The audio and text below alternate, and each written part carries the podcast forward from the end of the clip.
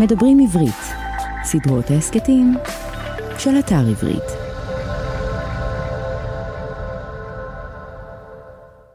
הצלחתי להשאיר אנשים באיזה, באיזה ספק. כשהוא קורא נמצא בספק אז הוא חייב להשליך מעצמו באיזשהו אופן, הוא חייב להכניס פנימה את מה שהוא היה רוצה שיקרה, את המחשבות שלו, את הזיכרונות שלו, את ההיעלמויות שלו ואת ההיעלמויות שהוא היה רוצה להיעלם. אבל תראי, יכול, יכול להיות שאנחנו בעקבות הפודקאסט הזה אנחנו נקבל טלפון. אולי את, את כנראה שאת תקבלי את, ה, את הפנייה הראשונה. אני זאת שהייתה בפרדס ואני רוצה לספר את הסיפור האמיתי. הסופר אשכול נבו נולד בירושלים בפברואר 1971. הוא נקרא על שם סבו, לוי אשכול, ראש הממשלה השלישי של מדינת ישראל. כבר בילדותו ובנעוריו הוא עבר עם משפחתו מסע נדודים בין בתים רבים, דבר שבדיעבד השפיע על כתיבתו ועל מהותו כסופר. את שנות שירותו הצבאי מילא כקצין בחיל המודיעין. כשהשתחרר, הוא החל ללמוד פסיכולוגיה באוניברסיטת תל אביב, אך תשוקתו העזה לכתיבה ולספרות בערה בו יותר מכל, והוא החל ללמוד כתיבה יוצרת באוניברסיטת בן גוריון שבנגב. בשנת 2014 הוא הקים יחד עם המשוררת אורית גידלי את בית הספר לכתיבה סדנאות הבית. אשכול נבו הוציא לאור תשעה ספרים למבוגרים וספר ילדים אחד. בין ספריו ניתן למצוא את הספרים ארבעה בתים וגעגוע, משאלה אחת ימינה, נוילנד, גבר נכנס בפרדס ועוד. ספריו תורגמו לשפות רבות וזיכו אותו בפרסים רבים. בפרק היום ישתף אותנו נבו בתהליך כתיבת ספרו גבר נכנס בפרדס. ספר אחד אשר בנוי משלושה סיפורים שונים שנכתב בתקופת הקורונה. נשמע ממנו כיצד נולדו עלילות הסיפורים. איך כותבים ספר בתקופת הקורונה כאשר הכל מסביב מעורער, והאם זה השפיע על תהליך הכתיבה. ונבין איך אדם שמגדיר את עצמו כאדם חילוני, כותב ספר שכל מהותו הוא בכלל סביב סיפור תלמודי. ביום שבת אחד אה, יצאנו להליכה הקבועה שלנו, זו הליכה שאנחנו עושים כבר בעצם מאז שהבת הגדולה נולדה, זאת אומרת 18 שנה, אשתי ואני הולכים מפאתי רעננה ועד אה, בצרה, וכלום לא קורה בהליכות האלה, שום דבר.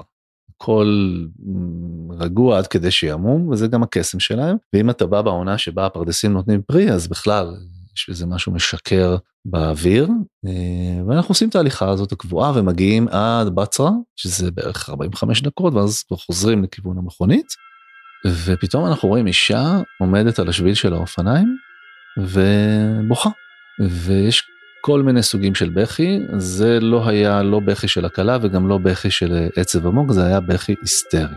היא הייתה היסטרית, זה היה ברור שהיא במצוקה. ואני ככה רואה את הפנים שלה, הפנים שלה חוזרות לי עכשיו בראש, וניגשנו אליה ושאלנו אותה מה קרה ומה מה אפשר לעזור, אז היא אמרה שבעלה נכנס בין העצים והשאיר אצלה את הארנק והמפתחות והטלפון, והוא לא חוזר. אז שאלנו אם היא צריכה שנעזור לה למצוא אותו, והיא אמרה כן, ונכנסנו בין העצים, ואנחנו מחפשים את הבן אדם הזה שאף פעם לא ראינו. לפי האישה תיארתי לעצמי גבר פחות או יותר בגיל שלי, ומחפשים מחפשים מחפשים לא מוצאים מגיעים אנשים אנחנו קוראים להם גם הם מחפשים גם הם לא מוצאים כל העניין הזה נמשך איזה שעה.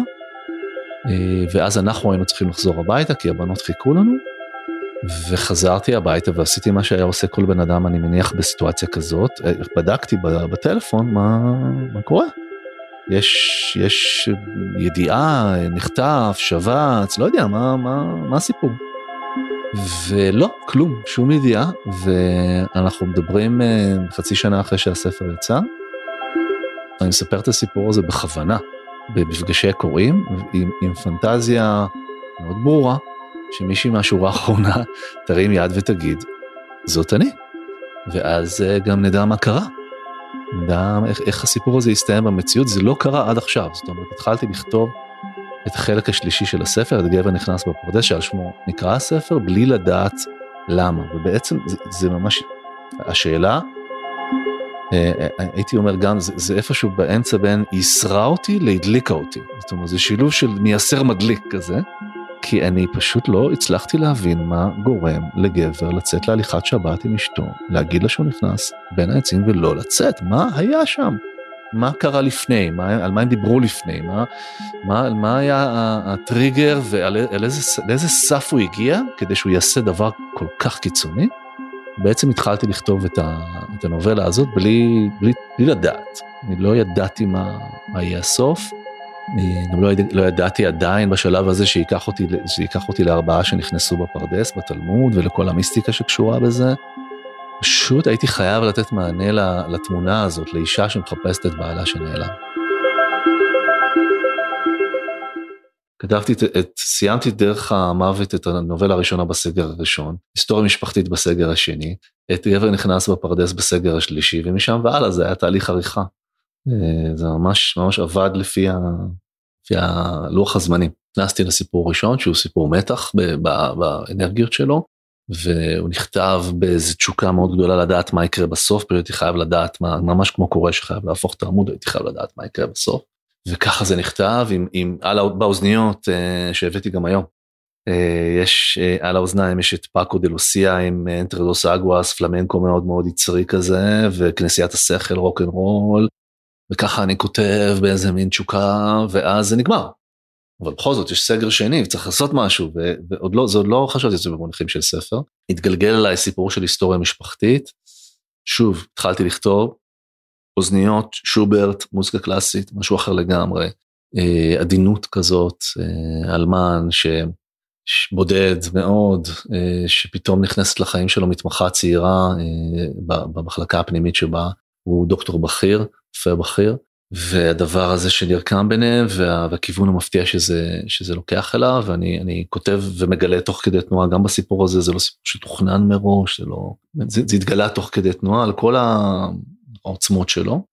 סיימתי אותו ו, והלכתי לפרדס עם אשתי ופגשנו את האישה שאיבדה את אה, שחיפשה את בעלה ו, והנה אני בתוך הסיפור השלישי וזה סיפור מאוד שונה מכל מה שכתבתי עד היום הוא אחר אני, אני אוהב אותו אהבה עזה זאת אומרת, אני אסור לי להגיד מאיזה סיפור אני יותר אוהב, כי הקוראים יש להם את העדפות שלהם, אבל אני, אני יכול להגיד, אני אגיד את זה בעדינות, שאני הכי גאה בסיפור הזה מבין, מבין שלושת הסיפורים בספר, כי הוא שונה, כי יש בו משהו אחר, כתבתי אותו כשאני שומע אה, טרנסים של טיאסטו באוזניים, כמעט, כמעט מההתחלה, אולי מהעמוד הרביעי או החמישי, כדי להכניס את עצמי לטראנס, ולתוך איזה מצב תודעה שהוא אחר, כמו מצב התודעה שגם הגיבורה שלי באיזשהו שלב נמצאת בו, שהוא בין המציאות לחלום איפשהו, ולהצליח באמת להיות בזה בזמן הכתיבה, שזה לא פשוט כי אתה נמצא עדיין גופך בתוך, ה, בתוך חדר הכתיבה שלך, ובכלל מסביב הקורונה.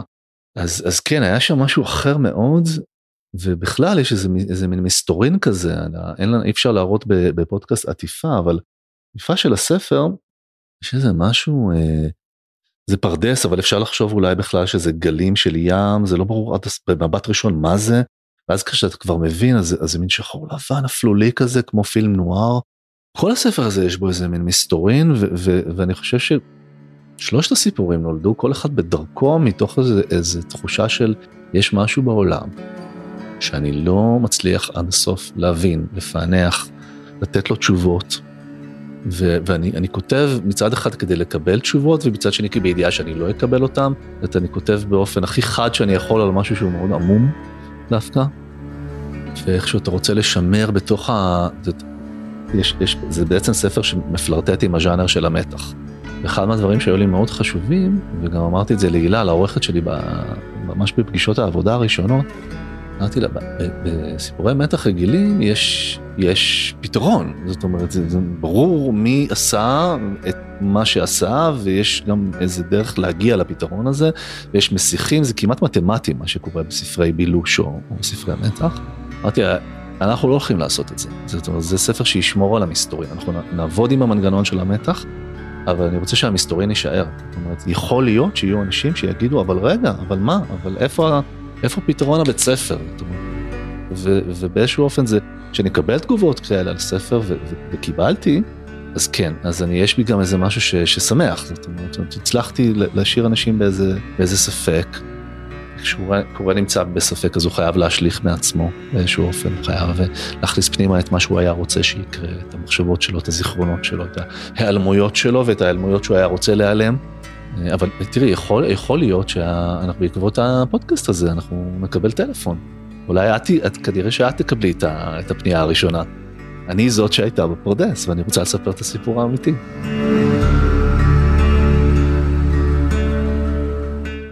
אז נסיעה היה ממש על קצה המזלג איך ספר לא מתוכנן ומאוד יצרי ומאוד uh, אינטואיטיבי, בסופו של דבר יש את הרגע שאתה מבין אותו, וזה נהיה כמעט מתמטי, ואתה אומר אוקיי, עכשיו אני מבין מה אני עושה, וזה מסתדר לך, ואתה מבין למה זה ספר, למה שלושת הנובלות האלה חייבות להיות ביחד, זה מכתיב החלטות ש, שנוגעות לעמודים האחרונים של הספר, איך, איך זה מסתיים, מי מופיע, זה ממש התהליך כתיבה שכמובן יש בו גם מהמורות ויש יש, יש רגעים שאתה מאבד את הביטחון ויש גם רגעים אה, של תחקיר שאתה אומר רגע נכנסתי פה לאזור שאני לא בטוח בו אני חייב רגע אני, אני צריך להיות במחלקה פנימית. אני לא אם אני לא אשב במחלקה פנימית אדבר עם רופאים אני יכול להיות שאני אפספס פה משהו אה, ואני לא אהיה מספיק אה, אותנטי.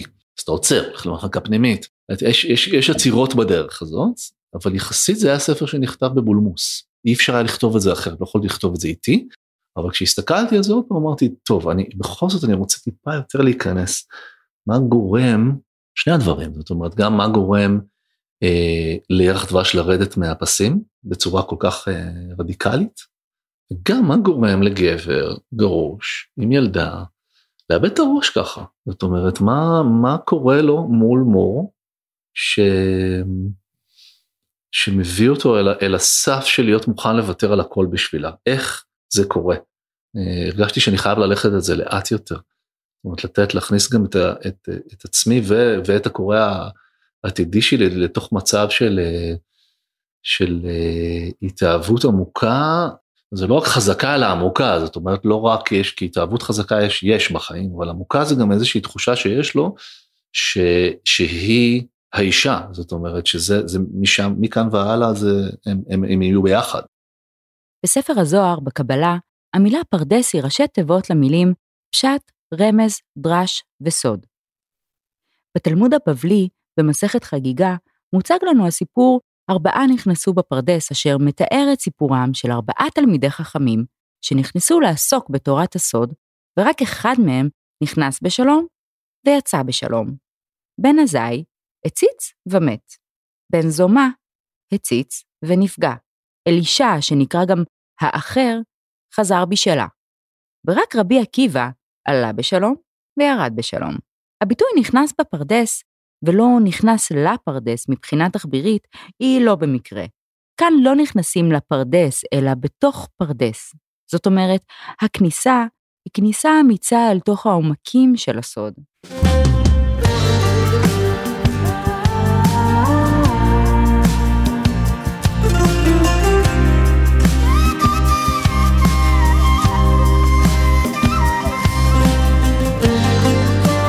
גבר נכנס בפרדס זה לא שם שאפשר לתרגם אותו בשום שפה, זה פשוט לא עובד. בעברית אני רק שם את המילה פרדס, אני שומע את הקול של המורה לתושב"ע שולמית אומרת פשט, רמז, דרש וסוד. אוקיי, בוא ניכנס לזה רגע, נכנס, קורא, אה, אה, אה, נקלע לתוך איזה דיון של רות קלדרון שמנהלת איזה דיון על, ה, על הסיפור הזה, ואהוד בנאי, ומה הוא חושב על זה, ולמה בפרדס ולא לפרדס, ופתאום הכל מתארגן. זאת אומרת, הכל מתארגן בתוך העניין הזה. המון אנשים, אגב, אה, מאז שהספר יצא, אני מגלה שלא מכירים את הסיפור התלמודי, על ארבעה תלמידי חכמים שנכנסים בפרדס ורק רבי עקיבא יוצא בשלום. אה, אחד אה, מת, אחד נטרפת עליו דעתו, ואחד הופך לכופר, הוא מפסיק להאמין באלוהים. סיפור שיש לו כוח מאוד גדול, אני חושב, העובדה שארבעת התלמידי החכמים, התלמידים החכמים עוברים את אותה חוויה, אבל הם יוצאים ממנה אחרת לגמרי, זה משהו על טבע האדם, על, על זה שלכל אחד מאיתנו יש את המבנה הנפשי שלו וגם את השבריריות שלו, אה, וגם כמובן על, על זה שצריך להיות מוכן לחוויות, על, ה, על להיות בשל לחוויה, בין אם זה בפרשנות המקובלת יותר של הסיפור הזה, הצד המיסטי של היהדות או קבלה, בין אם זה לפגוש את, את אלוהים או את המלאך שלו, ובין אם זה, אם, אם במונחים חילוניים, לסמים משני תודעה. סמים משני, בוא ניקח את זה דווקא, ניכנס לזה, כי באזורים הדתיים של הסיפור הזה אני פחות, אה, זה פחות המקומות שאני נמצא בהם. סמים משני תודעה יכולים להיות חוויה ש, ש, נהדרת ומשנת חיים, והם יכולים להיות חוויה שאתה לא יוצא ממנה. ראיתי נשים לא יוצאים מהחוויה הזאת ובמשך בעצם כל החיים. לא נכנסים בפרדס ההזייתי ולא, ולא יוצאים ממנו, לא, לא מצליחים לחזור. ואותו בן אדם אחר ייקח את אותו חומר ותעבור עליו חוויה שהיא, חוויה שהוא יגדיר אותה כחוויה טובה, משמעותית. אני חושב שהסיפור הזה עזר לי גם לפענח מה, על מה בעצם אני כותב. זאת אומרת, מה, על, מה, על מה הספר הזה ובאיזה אופן הפרדס הוא לא רק מקום פיזי, אלא גם מקום הנכון לסיים בו את הספר, מבחינת העומק שלו. כללי סיפורים זה דבר מאוד חזק. וכנראה שאתה לא יכול להתנגד אליהם כשהם פוגשים אותך בזמן הנכון. כל הספר הזה זה ארבעה שנכנסו בפרדס, זאת אומרת, יש לי את רונן, הסיפור הראשון, שנכנס בפרדס הקנאה, יש לי את עומרי שהולך לנחם את האלמנה ומוצא את עצמו מסובך בסיפור שהוא מעל למידותיו, עוד פרדס. דוקטור קארו מתקרב לליאת בן אבו, אין לו מושג לאן זה יתפתח, הוא ממש לא מדמיין את הכיוון שזה זה בסופו של דבר ייקח אותו. וכמובן עופר מהסיפור השלישי שנכנס פיזית בפרדס, אז, אז גם יש איזה רגע שאתה פתאום רואה מה זה הספר הזה, ואיך הכל נכרך, ואז גם יש לי אפשרות להכניס, להביא את הדמויות מהסיפור הראשון והשני לתוך הסיפור השלישי ולתת להם להופיע שם. כי אם, אם כולם פה נכנסים בפרדס באופן אה, מטאפורי, אז הם גם צריכים להיות בפרדס, ככה הרגשתי. בגלל זה, בגלל זה גם אה, יש ביקורים אה, חוזרים של הדמויות. בחודש מרץ 2020 נכנסה לחיינו בסערה הקורונה, ויחד איתה הבידודים, הסגרים, המסכות, חילוקי הדעות שגרמו לפיצול חברתי, ובעיקר חוסר הוודאות וההרגשה החזקה שמלבד מה שקורה לנו באותו רגע נתון, אנחנו לא באמת יכולים להיות בטוחים בשום דבר. הקורונה התחילה ב-12 למרץ 2020, אה, הייתי אז, הייתה, הייתי במופע עם גיל שוחט, אה, המופע שלנו שעבדנו עליו הרבה זמן, מופע הסתיים בשעה שמונה, ואז כשיצאנו אה, מהאולם להיכל התרבות הודיעו שהקונצרט של הפילהרמונית אחרינו מבוטל.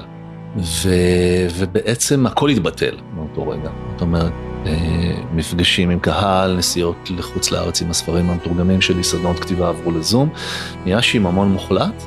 ואני נאחזתי בכתיבה כמו שלא נאחזתי בה מאז שהייתי בן 27. זאת אומרת, ממש צללתי בתוך הסיפור הזה הראשון של גבר נכנס בפרדסת, דרך המוות. היסודות כבר היו שם, זה לא סיפור שהומצא בקורונה, אבל צללתי לתוכו ונאחזתי בו, והייתי במין בולמוס כתיבה כזה, הרגשתי שזאת הדרך היחידה שלי לשרוד את התקופה מסביב החברים שלי, חלק מהם קרסו מנטלית, פיננסית, אמ, הייתה תקופה כזאת של, שבכלל אני חושב שהרבה, עד, עד היום עולם התרבות מלקק את הפצעים, אבל החודשים האלה זה היה גם, גם לא, לא היה ברור מתי זה ייגמר ואם זה ייגמר ואיך מנהלים חיים בצורה כזאת. ואני פשוט נכנסתי לסיפור, זאת אומרת התחבאתי בתוכו, כמו מישהו שמתחבא באיזה שוחה בבור. זה הגן עליי, הגן עליי מהתמודדות עם שאלות קשות והגן עליי מזה שלא קרה שום דבר בחיים האמיתיים. בסיפור קרה המון, זה המון דרמה. ולא חשבתי תוך כדי שזה מין ספר שיש לו, ש, שאפשר להרגיש בו את הקורונה. ברמה הקונקרטית אין, אין שם אפילו פעם אחת את המילה וירוס. אבל עכשיו, וגם גם בפרספקטיבה, וגם אני חושב הקוראים הראשונים של כתב היד, גם היו, היו אנשים שהעירו לי בעין ובאלף את זה ש... כל הדמויות בספר עוברות איזו חוויה שהיא מערערת, זאת אומרת יש משהו מערער ולא יציב באדמה שהם עומדים עליה, ואנשים נורמליים שקוראים להם דברים לא נורמליים. ועכשיו כשאני מסתכל על הספר מהמרחק הזה, ואנחנו בכל זאת קצת במקום אחר מבחינת המגפה, הנה אנחנו נפגשים לנו ומשוחחים ולא בזום, אני כנראה שזה השפיע, זאת אומרת כנראה התחושה הזאת של הכל יכול לקרות, זאת אומרת, המונח מגפה היה נראה כשייך לימי הביניים, והנה הוא, הוא, הוא חוזר והוא מטלטל את חיינו ואין לנו שום דרך לדעת מה יהיה בשבוע הבא, ומגבילים את החירות שלנו, וכל הדבר הזה, אני חושב שהוא נמצא בספר באופן, באופן עקיף, כאילו, הדרמטיות, הערעור, התחושה הזאת ש... של לנסות לי, להינצל ממשהו, וגם האיום, אני חושב, הצל הכבד הזה של המוות. בתחילת הקורונה, ממש בשבועות הראשונים, חבר טוב שלי נפטר, הוא לא, הוא לא נפטר מהקורונה, הוא נפטר כי הוא פחד להתפנות לבית חולים. דוד ארליך, המייסד של תמול שלשום, של בית הקפה הספרותי בירושלים, אז זאת מבחינתי מאותו רגע זה כבר לא היה תיאורטי. אנשים יכולים למות מזה. אז יש לך גם את זה כל הזמן, וההורים שלי, הם, הם, הם לא, לא ראיתי אותם חודשים ארוכים, הבנות שלי לא פגשו את סבא וסבתא, אז היה איזה מין, גם את זה, אתה מדחיק את זה, אבל זה נמצא שם כל הזמן, אז אולי גם, אולי גם, זה קיים גם בספר, זאת אומרת, הצל הזה כל הזמן של הדבר ש, שעלול לקרות. ואני, שמי, אני, אני, אני מודה על ה... אני, אני מצאתי את עצמי אפילו תוך כדי החצי שנה הזאת, מודה על הזכות שיש לי לכתוב. אגב, גם לקרוא, זאת אומרת, זו תקופה של, קראתי המון בקורונה, גם הקריאה הצילה אותי. היא הייתה שם בשבילי וגם באיזשהו אופן גם באיזה, באיזה חוויה של, של פיקוס, של התפקסות כזאת, של, שלא הייתה לי הרבה מאוד שנים. אז אני מודה על זה, אני מודה על, ה, על זה שיש לי את המקום הזה, יש לי את היכולת הזאת לברוח אל תוך, ה, אל תוך הדמיון וליצור משהו, משהו משמעותי. היום לפני שיצאתי לפגישה איתך, כתבתי בפעם הראשונה, אה, מאז שהספרים שלי התחילו להיות מתורגמים, שזה כבר 13 שנה, וזה היה 60-70 תרגומים כבר שיצאו, אף פעם לא כתבנו הערות שוליים. אני לא כל כך מאמין בזה, ולהתחיל להסביר לקורא שבית"ר ירושלים היא קבוצה המזוהה עם הימין הישראלי, והפועל תל אביב היא קבוצה המזוהה עם ההסתדרות, נגיד בארבעה בתים לגעגוע. לא, נראה לי טרחני, ו... ומה שמי שמבין מבין, ומי שלא שיקרא, שיעשה ויקיפדיה. פעם ראשונה היום כתבתי אה, הערת שוליים בספר שלי, בגבר נכנס בפרדס, כתבתי אה, על הסיפור של ארבעה שנכנסו בפרדס, מתוך מחשבה שזה יהיה ממש חבל אם הקורא האיטלקי שלי יפספס את האלמנט הזה, שגם חלק מהקוראים הישראלים שלי פספסו את זה וזה בסדר, זה, זה, זה לגיטימי, אבל חשבתי שאני בכל זאת אעשה עוד עוד איזה מאמץ קטן, זה הערת שוליים קצרה, זה שנצליח ל, ל, לצמצם זה לשבע או שמונה שורות. אני לא יודע עדיין איפה למקם אותה בספר ככה שהיא לא תהיה צעקנית, אבל כן, כן יש איזה רצון אה, להביא את העניין הזה לתוך, ה, לתוך החשיבה, ואולי אפילו רק שזה יהיה טריגר לסקרנות, זאת אומרת, טריגר לקריאה נרחבת יותר למי שירצה. דילמה אגב, זה עוד לא, לא הוכרע, היום פעם ראשונה אחרי איזה מין רתיעה כזאת שהייתה לי בחודשים האחרונים, היום הצלחתי לשבת ולכתוב הערת שוליים. שיש בו משהו מסבירני, אבל, אבל אני לא רואה איך אני מוותר על זה. זה העונג של לכתוב בעברית, זה, זה באמת ה... תראי, הכתיבה, לא כולה רגעים כאלה, אבל באמת יש משהו כשאתה, ובכל ספר יש את האזור שלו. אני יכול לחשוב גם על ספרים אחרים שבהם זה קרה, בפתיחה של שלוש קומות, בקומה הראשונה זה קרה לי, בנוילנד באזורים מסוימים של, ה, של המסע בדרום אמריקה, של הכתיבה של המסע הזה. יש, יש באמת איזה, יש רגעים בכתיבה שאתה מרגיש שאתה מצליח אה, להיות אה, כל כך בתוך הסיפור עד שלפעמים אתה בוקע ממנו, אני למשל, אנשים מתקשרים אליי כשאני ממש בתוך סיפור, אנשים מתקשרים אליי נגיד בסוף שעות הכתיבה ואני עונה אחרי שסיימתי, אז הם שואלים אותי, אוי, אה, הם מתנצלים, סליחה, הערתי אותך, אתה ישנת, נכון? לא, לא, לא ישנתי, פשוט הייתי בתוך עולם אחר. וזה באמת, זה, זה, זה רגעים מיוחדים מאוד.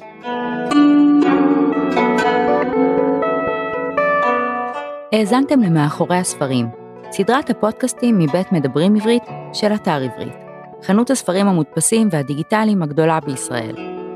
פרק ראשון של ספר זה וספרים נוספים של אשכול נבו מחכים לכם באתר עברית.